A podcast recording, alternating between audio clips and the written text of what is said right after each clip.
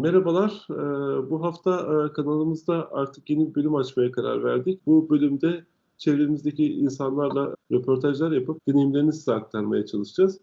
Bunu yaparken de hem Letonya arasındaki diğer ülkeler veyahut da Türkiye ile e, arasındaki farkları e, diğer bir ağızdan size aktarma derdindeyiz.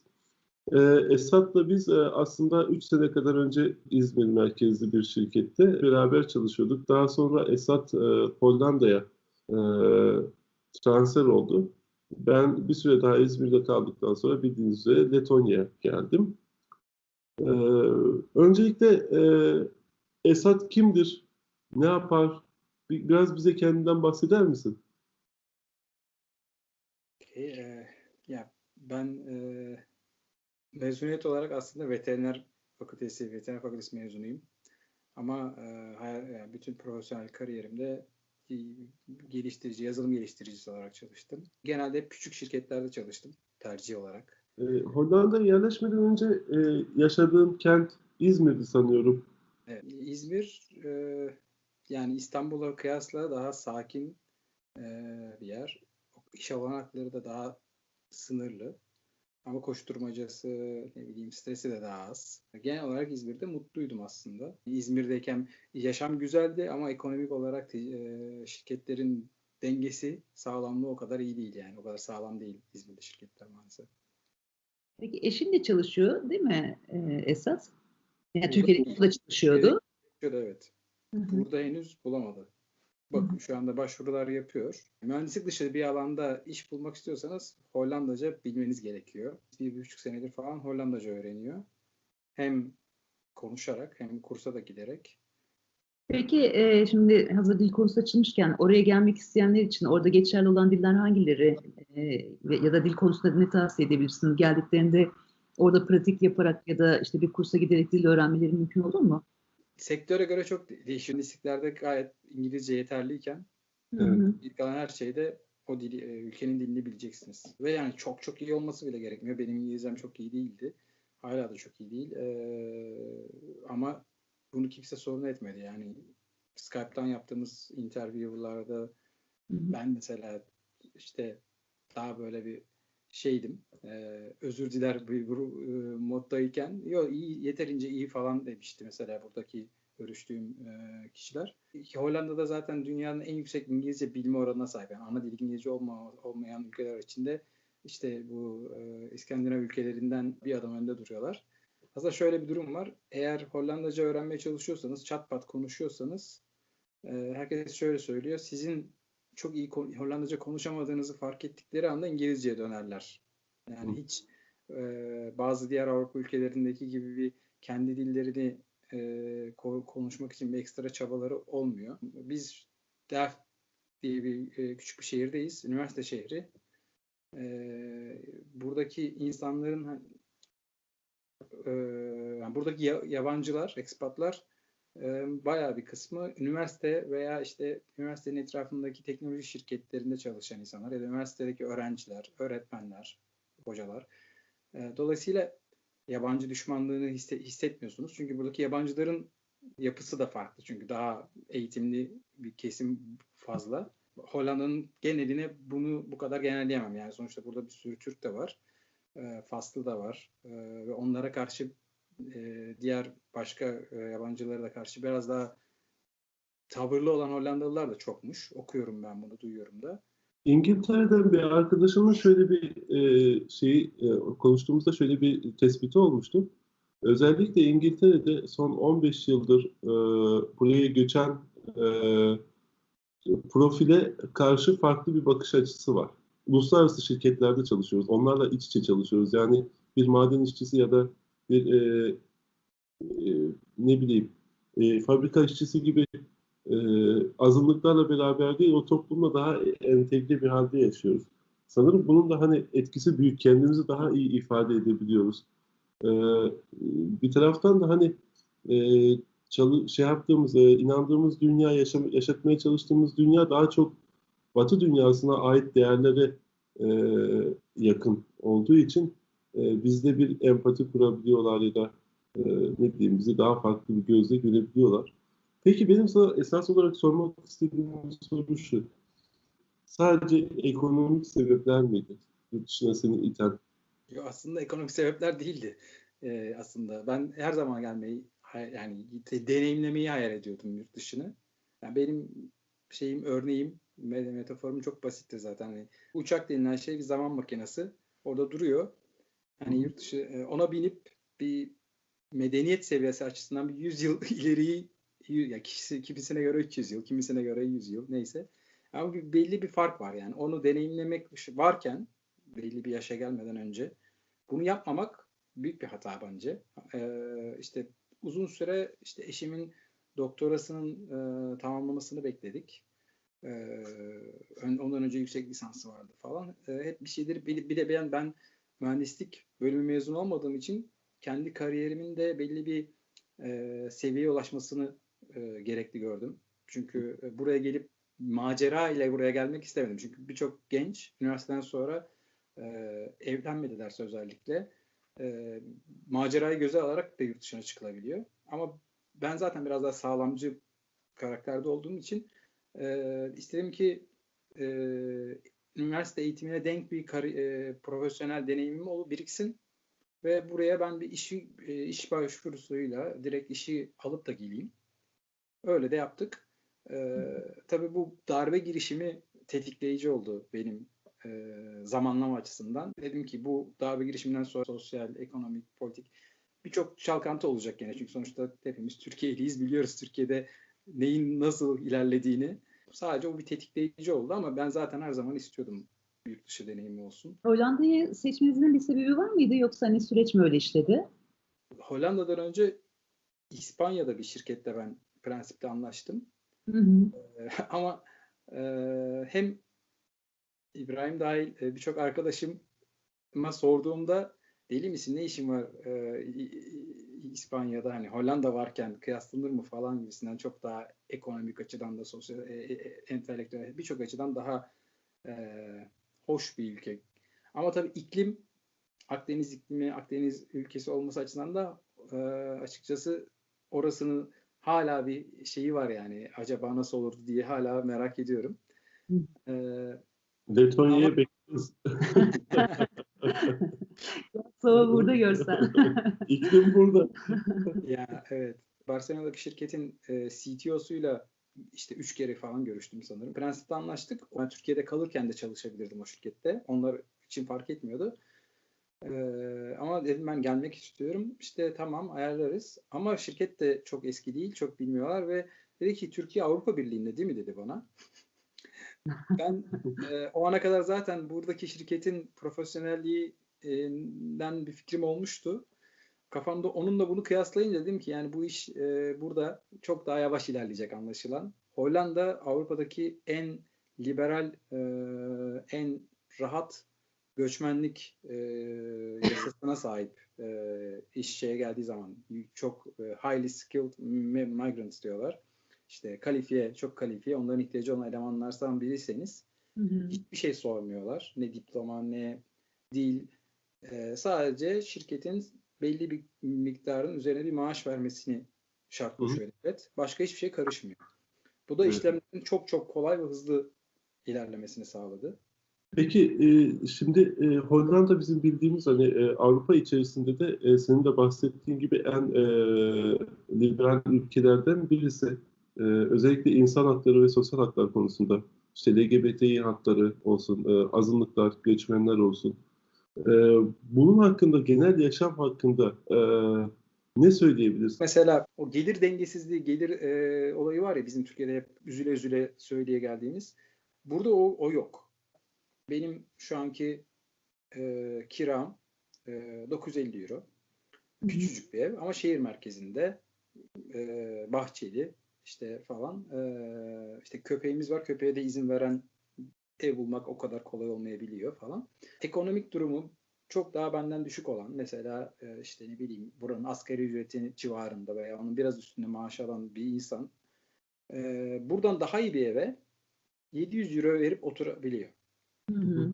Ve o eve ben istesem de yani ev sahibi de istese ben de istesem de o 700 liraya oturma oturmam mümkün değil. Yani benim belli bir maaş alıyorsam, belli bir gelirim varsa e, benim belli bir miktardan ucuz bir eve kirayla girmeme izin vermiyor. Üçte bir benden daha az da maaş alsa benden daha kötü yaşamıyor insan. Hatta yarı, yarı maaşımı da alsa benden daha kötü yaşamıyor muhtemelen. Bu gerçekten o sosyal devlet bunu sağlıyor. Başka bir şey şimdi akla geldi. Mesela hastane, hani burada devlet hastanesi eee, böyle Türkiye'deki özel hastaneler tadında. Ve yapılan anketlere göre e, Avrupa içinde sağlık hizmetlerinden en mutlu olan halkmış. Wikipedia'ya göre. E, ve hani gittiğiniz zaman gerçekten onu görüyorsunuz. Evet yani insana insan muamelesi yapıyorlar yani. Peki Esat hani hazır kiradan konu açılmışken e, biraz şeyden bahsedebilir misin? Mesela ne kadar nasıl bir evde yaşıyorsunuz? Delft pahalı bir şehir. Göç aldığı için kiralar yüksek, ev fiyatları da yüksek. Bu ev e, iki oda bir salon. 65 metrekare falan sanırım. Büyük bir bahçesi var ama. Şehir merkezinde metro ya merkeze yürüyerek 5 dakika falan. Hı hı. Ee, yani güvenli bir yerde. Şimdi İzmir'le kıyasladığımız zaman burada biz bir kasaba hayatı yaşıyoruz. İşe bisikletle de, e, 15 dakika sürüyor maksimum bisiklete gitmem. E, ama mesela İzmir'de biz bir saat yol yapmaya alışıktık e, işe gitmek için. E, ben şimdi Rotterdam'da bir iş bulsam Rotterdam buradan e, 15-20 dakika metroyla işte belki orada bir aktarma daha yaparım. Hani max maksimum yarım saat olur. Den Haag e, başka bir yakın şehir. O da orada da birçok şirket var. Orası da bayağı kalabalık. Hı hı. Yine öyle. Oradaki evler de daha ucuz. Yani çok e, hani alıcı, kiralayıcı gözle bakmadım ama yüzde rahatlıkla söyleyebilirim yüzde 25 falan daha en az daha ucuzdur yani. Bu şekilde. Hı hı. Peki e, şimdi Laika ile gittiniz siz şeye, e, Hollanda'ya. E, Doğru. Biz kedilerle gelirken bayağı zorlandık. Sizde nasıl bir süreç işledi? Zor muydu getirmek? Bir de Laika bildiğim kadarıyla büyük bir köpek değil mi? Evet Sibirya kurdu. O süreçte biz zaten buraya gelmiştik. Hı hı. Annemin evinin bahçesinde kaldı. Laika için bayağı bir zahmetli oldu. Çünkü önceden bahçede kalıyordu. İzmir'deyken bizim bahçede kalıyordu ama hani bizimle olduğu için sanırım e, bahçede bir şeyler değişti tabii onun hayatında. Biz yok olduk. Bayağı bir ağlamış, sızlanmış falan. Ne kadar iyi bakmaya çalışsalar da.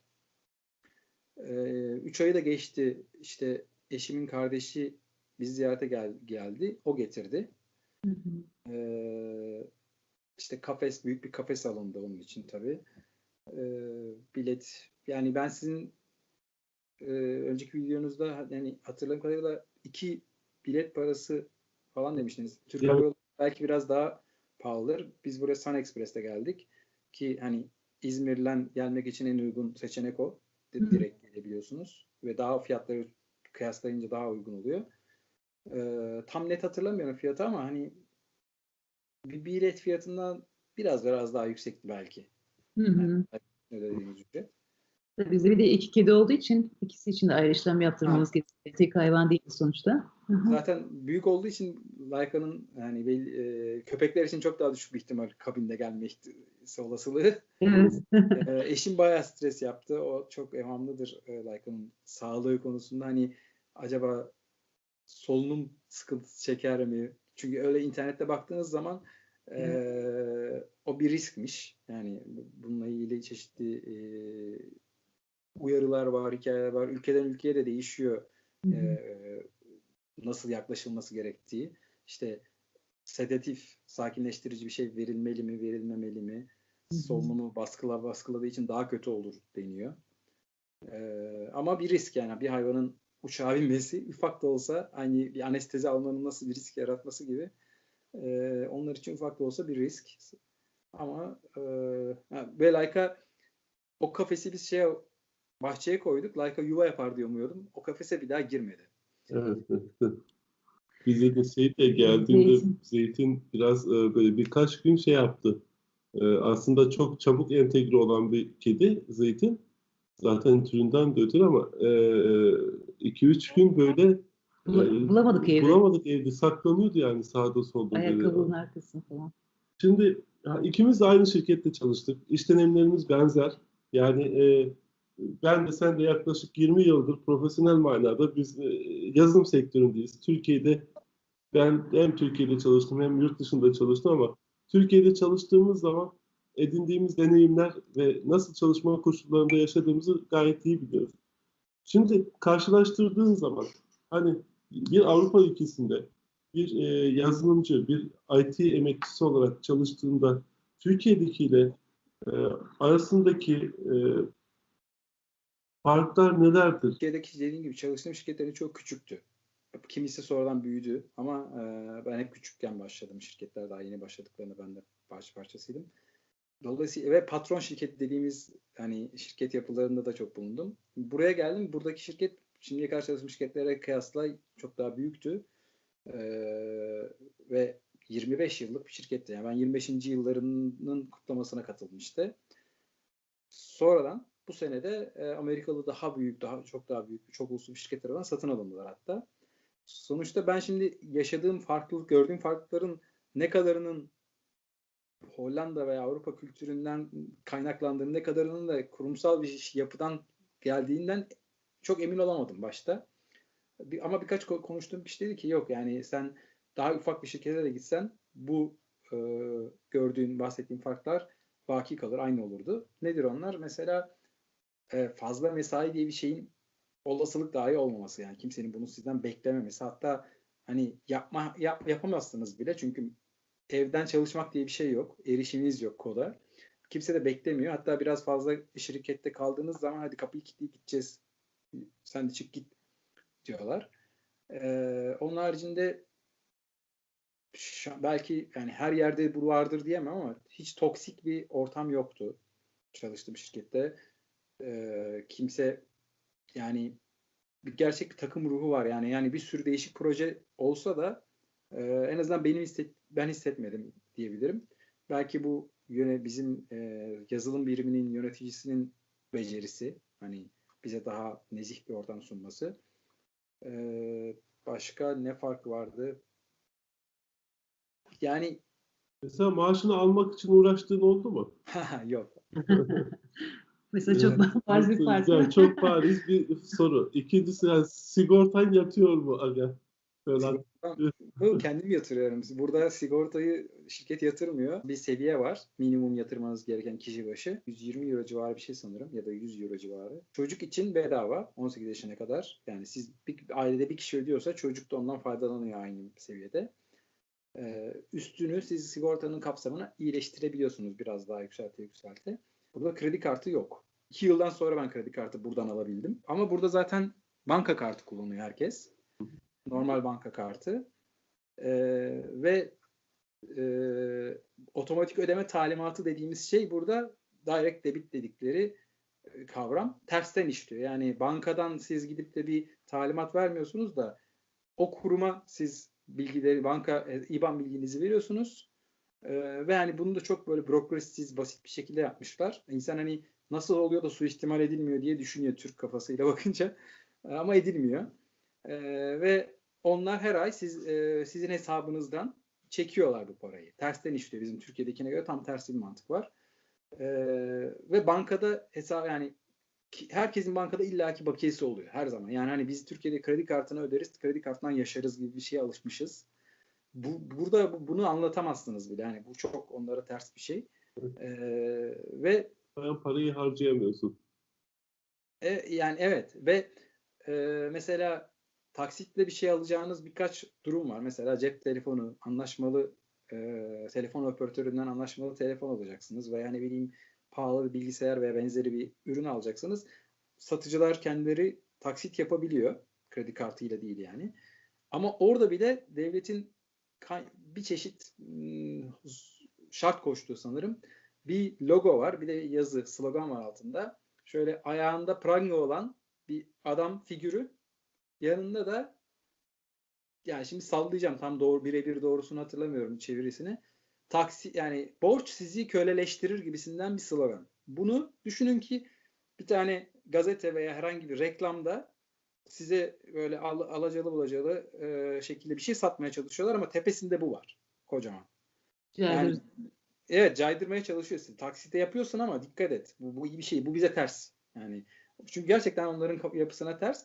İki ay ayakta kalacak kadar bankada paranız yoksa o, onda sizin de sorumsuzluğunuz var gibi bir kafa var. Yani ben mesela düşünemezdim. Yani bana göre çok ters bir kafa bu öyle bakmaları ama yani sonuçta yapılamayacak bir şey değil. Çünkü burada gerçekten düzgün bir maaşınız alıyorsanız ve yani müsrif değilseniz birikim yapabilirsiniz. Bir şeyler birikir. Peki Esat, e, gene bizim hani deneyimimiz olmayan şeylerden birini size soralım. E, siz çocukla gittiniz oraya. E, çocukla gitmenin zorlukları neler? Bir de mesela temelde dil gibi bir problem var. Hani uyum sağlamakta sıkıntı yaşadı mı? Duru 3 yaşındaydı geldiğimizde. Türkiye'de kreşe gidiyordu bir senedir. Hı hı. O kreşte bir sosyalleşmişti ve kreş de gayet mutluydu kreşinde. Ee, öyle ki yani geçen ay annesinin doktora çalışması için bir aylığına gittiler. Aynı kreşe gitti. Yani oradaki kreş şu anda burada gittiği okuldan daha dolu bir eğitim veriyor. Daha bir yoğun bir eğitim veriyor. Ee, buraya geldik.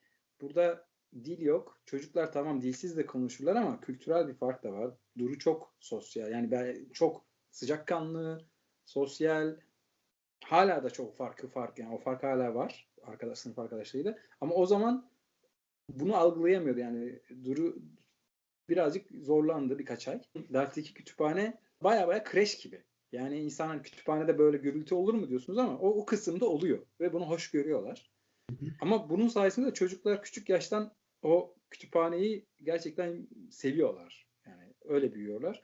Ve oraya da bir sürü e, expat bizim gibi göçmenler de geliyordu. E, ve o sayede orada eşim ve ben de e, ama eşim çok daha fazla tabii ki zaman geçirdi orada ilk başlarda. Birçok insan tanıdı. Hem Duru da başka çocuklarla sosyalleşti. E, ve çok sürmedi. Yani bir yılda zaten dili öğrenmeye başladı. Yani böyle sokakta geçen insanlarla konuşur hale gelmişti bir yılın sonunda. Hı, şahane. Peki e, mesela eşinle e, aynı motivasyonda mıydınız siz yurt dışına karar verdiğinizde ya da daha doğrusu sen yurt dışına evet. çalışmak Nasıl zorluklar yaşadınız? Ee, yani eşim yakın zamana kadar hala şikayet ediyordu. Ee, ki benden çok daha entegre olmasına rağmen ama tabii bu entegre olma süreci de stresli bir süreç. Yani de böyle şey yapıyor sizde bir yorgunluk yaratıyor. Benim hayatım daha basit. Hı hı. Eşim Durun okuluyla iletişim halinde işte ne bileyim konuşma gruplarına gidiyor. Birçok yani kullanabileceği birçok sosyal e, imkanı kullanıyor. Hı hı. Ama tabii bu şöyle bir şey yani hem bir yandan sizi geliştiriyor bir yandan da yoruyor. E, bir yere yani yakın zamana kadar çok daha e, sıkıntı hissediyordu. Şimdi de hissediyor ama artık en azından hani evet belli bir eşik eşiği aştı sanırım. Mesela atıyorum taharet musluğu. Biliyorsunuz yani bu bize özgü bir şey. Çok ısrar etti. Takalım evimize dedi. Ben de istedim ki yani adapte olalım. Yani çünkü iş yerinde yok, okulda yok. Yani bir yerde yaşıyorsanız ona entegre olmak bence en rahatladı. En nihayetinde evet oraya oralı olmanızın yolu bu çünkü. Eşim uzun süre bundan şikayet etti. Bir yerden sonra da vazgeçti. Bir şey daha soracağım Esat. Ee, bildiğim kadarıyla seninle tanıştığımız dönemde vegan, vejeteryan e, beslenme e, yaşam tarzına sahiptin. E, bilmiyorum şu anda hani ne durumdasın ama Hollanda gibi bir yerde e, bu tarz bir yaşama, e, beslenme biçimini e, kabullenmiş bireylerin yaşaması Türkiye'ye göre daha kolay mı, daha mı zor? Geldiğimiz zamanda bile e, vejetaryen vegan ürün reyonunda e, et benzeri en az ne bileyim 10-15 çeşit ürün vardı. Şimdi bu sayı hani geçen iki yılda bu sayı daha da arttı. Türkiye'de bu bir lüks. Gerçekten lüks. Ha, burada da şimdi vejetaryen burger alacaksınız diyelim. İşte 2 euroya iki tane burger alırsınız mesela. 2 euroya yarım kilo et de alırsınız ama hani e, etle kıyasladığınız zaman yine pahalı ama çok erişilebilir. Yine de gayet e, çok erişilebilir durumda. Ayrıca e, hani bunu veganlığa da indirgemeye gerek yok. Bu ben şeyi çok beğendim burada. Sebze, doğranmış sebze kavramı hayatı çok kolaylaştıran bir şey. E, yani dengeli düzgün beslenmeyi de olabilir hale getiriyor. Çünkü biliyorum ki birçok insan hani eti dengeli bir besin hesapta ama kolay olduğu için seçiyorlar. Yani evet alırım biraz, alım gücüm varsa alırım, atarım tavaya, pişiririm, yerim. E, çünkü düzgün beslendiğini düşünüyorsun. E, bir yere kadar da öyle. E, ve kolay. Ama şimdi burada sebzeler de çok kolay tüketime hazır halde olduğu zaman bu sefer e, etsiz ama dengeli, düzgün bir beslenmek de mümkün hale geliyor. Hollanda herhalde Almanya'dan sonra bizim alışa geldiğimiz ürünlere erişimin en kolay olduğu ülkedir. Yani her şehirde Asya marketi, Türk marketi daha çok e, bulursunuz. E, ve yani Türkiye'den aşina aldığınız ürünlerin hemen hemen hepsini e, erişirsiniz. Bir kısmı Türkiye'den gelmiyordur. Almanya'da üretilmiştir ya da Hollanda'da üretilmiştir. Ama yani yine de Türkler sahibi, üreticisi falan Türktür. Lidl diye bir market var buranın ucu, en ucuz uygun fiyatlı marketlerinden. Lidl'da vegan pizza gördüm. Şimdi pizza vegan, vegan olmuyor pek çünkü peynirsiz pizzayı düşünemiyor insanlar. Dolayısıyla hep vejetaryen oluyor en fazla. Bu vegandı. Yani peynir yerine koymuşlar bilmiyorum. Daha yemedim. Buzlukta duruyor. Onu da test edeceğiz. Ama yani çok daha kolay. Burada yani feasible, o, o makul bir seçenek. Eti azaltmak burada. Peki yemek kültürleri nasıl? Mesela biz burada e, beklediğimizden çok farklı çıkıyor yediğimiz bir sürü şey. Mesela çok fazla e, tatlı, e, yani yemekte tatlıyı çok fazla kullanıyorlar. Hayli bizim çok alışık olduğumuz bir şey değil. Hani biz daha çok tuzlu yemeye alışız. E, biz çok yadırgıyoruz bazı yemeklerini. E, orada durumlar nasıl? Bu konuya çok e, bu konuda iyi bir cevap ben veremem. Çünkü çoğu şey etli olduğu için o, o tatları ben denemiyorum bile. Ee, ama şunu duyduğumu söyleyeyim. Yani burasının kendi yemek kültürü olmadığını söylüyor çoğu insan. Ayrıca buradaki çoğu yani mesela atıyorum Çin yemeği veya ne bileyim başka ülkelerin Türk yemeği buradaki çoğu restoran da hani belli bir şeyin yemeğini yapıyorum diyenler de aslında burada buralı insanlara göre onu modifiye ediyorlarmış. Hı hı. olarak ve yani e, hiçbir şey aslında olması gerektiği gibi olmuyor. Hı hı. Kendilerine özgü de çok iyi bir şey, çok iyi mutfakları yok e, diye böyle eleştiriler duydum, okudum. E, ama hamur işi, ekmek, peynir, gırla yani o konuda çok seçenek var. En yaygın kahvaltı türü ekmeğin üzerine tereyağı, üstüne çikolatalı kırıntı diyorum ben. Bu granüller var ya, e, eticinin üzerinde olan o, o, o çok popüler çocuklar arasında. Bu onlar için gayet normal bir kahvaltı. Öğle yemeği de öyle geçiştiriliyor. Ekmeğin üzerine işte salam, ne bileyim peynir, belki domates falan. Ayrıca mesela burada şeye şaşırmıştım. Yoğurtlu içeceği, yoğurt içeceği diye bir şey var. Ve bir sürü çeşidi var. Evet. Hani işte meyvelisi var, sadesi var ama ayran değil. Ha. Ayranı ayran diye satıyorlar ayrıca. Ama o yoğurtlu içecek çok yaygın. Yani sütlü mesela meyveli süt vardır ya Türkiye'de. O burada onu bulamıyorsunuz. Çok zor bulursunuz onu. Onun yerine bu yoğurtlu, fermente halini satıyorlar. E, iş yerinde de mesela görüyorum meyve suyundan çok onu içiyorlar. Hollandalı çocuklar yine anketlere göre e, yani en mutlu çocuklarındanmış. Bir de sağlıklılar Hollandalı insanlar. Hani mesela benim böyle kat kat giyindiğim bisiklet sürerken böyle donduğum bir havada eksi 3 derecede mesela. Bu insanlar bere bile takmadan bisiklet sürüyorlar o rüzgarda o soğukta. Bir e, soru daha sorabilir miyim ben? Bence sorabilirim. Şimdi ben e, Letonya'ya geldiğim zaman e, bahardı e, ve burası bir anda beni inanılmaz şekilde cezbetti doğasıyla. Yaşadığın şehirde doğa nasıl? Sen çok doğayla iç içe olmayı seven bir insansın sizinkiyle kıyaslanmaz. Hollanda'da çünkü o şekilde doğal ormanlar pek yok. Bir kere burada yolda geçerken birisinin bir, bir Türk aile gelmişler buraya gezmeye anlaşılan. Kulak misafiri oldum. Bunlar bataklığı vatana dönüştürmüşler. Biz de vatanı bataklığa dönüştürmüşüz dediklerini duydum. O zaman hani ben Hollanda'yı onlar kadar bile tanımıyormuşum. Hani bataklık demesine şey alınmıştım. Özünde burası bataklıkmış gerçekten yüzyıllar önce.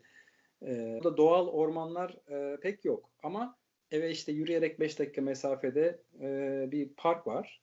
Türkiye'de öyle bir parka şehir ormanı diyoruz biz. İçinde işte gölü var, ne bileyim e, ışıklandırma yok. Sulama zaten Hollanda'da öyle bir kavram yok. Orman bildiğiniz. Köpek gezdirmek için, bisikletle gezmek için falan, çocuktan oynaması için birçok için uygun. Yazın insanlar orada güneşleniyorlar falan.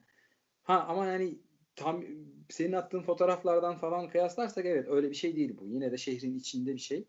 Ama burası yağmurlu olduğu için, kuzey olduğu için tabii ki her yer yemyeşil. Yani ben İzmir'deyiz. İzmir çorak bir yer. Ee, yani bizim benim kıstaslarım o kadar yüksek değildi. Dolayısıyla benim için gayet güzel.